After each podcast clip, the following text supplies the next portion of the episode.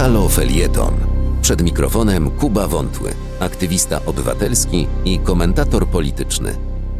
Dewiza Miłość zwycięża. Pod nią właśnie zaledwie kilka dni temu Kościół Świętego Benedykta w Monachium stał się jednym z pierwszych czterech w Bawarii, które sprzeciwiają się Watykanowi i błogosławią związki tej samej płci.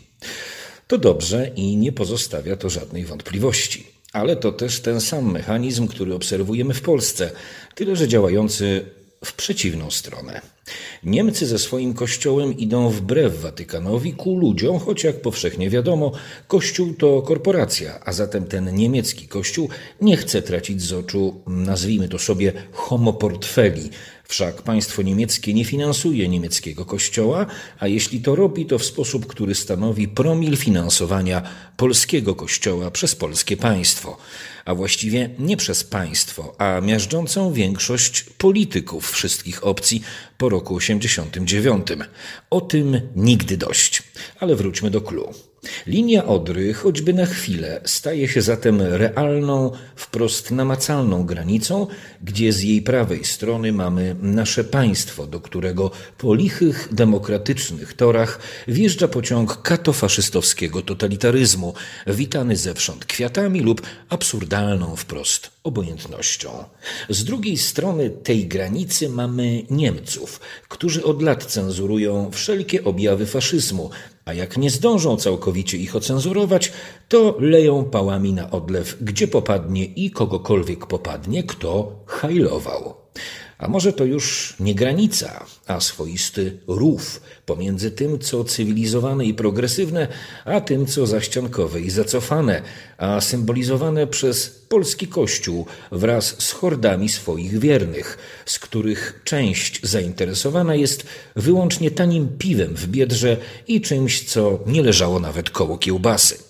Poza tym ta właśnie tłuszcza społeczna odżywia się tym, co Kościół i jego politycy zewsząd podrzucą w okolice talerza, a media, czy to narodowe, czy liberalne, właściwie to już bez różnicy, ochoczo to doprawią.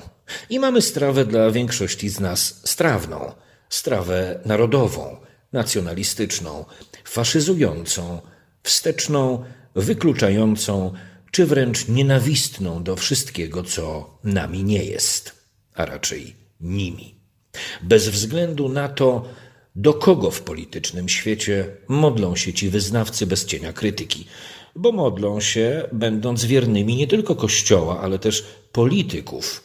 Modlą się, bo nie są wyborcami.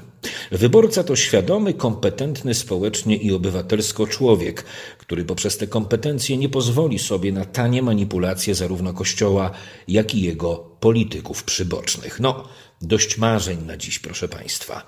Jest nas świadomych może garstka. I nijak nie powstrzymamy spełniającego się scenariusza z opowieści podręcznej, tu właśnie spełniającego się nad Wisłą, w ojczyźnie najbardziej cuchnącego europejskiego kołtuna. Uwaga! 15 autorek i autorów cyklicznych programów oraz 35 felietonistek i felietonistów znajdziecie Państwo na antenie Halo Radia, które mówi wszystko od poniedziałku do soboty. www.halo.radio ukośnik SOS.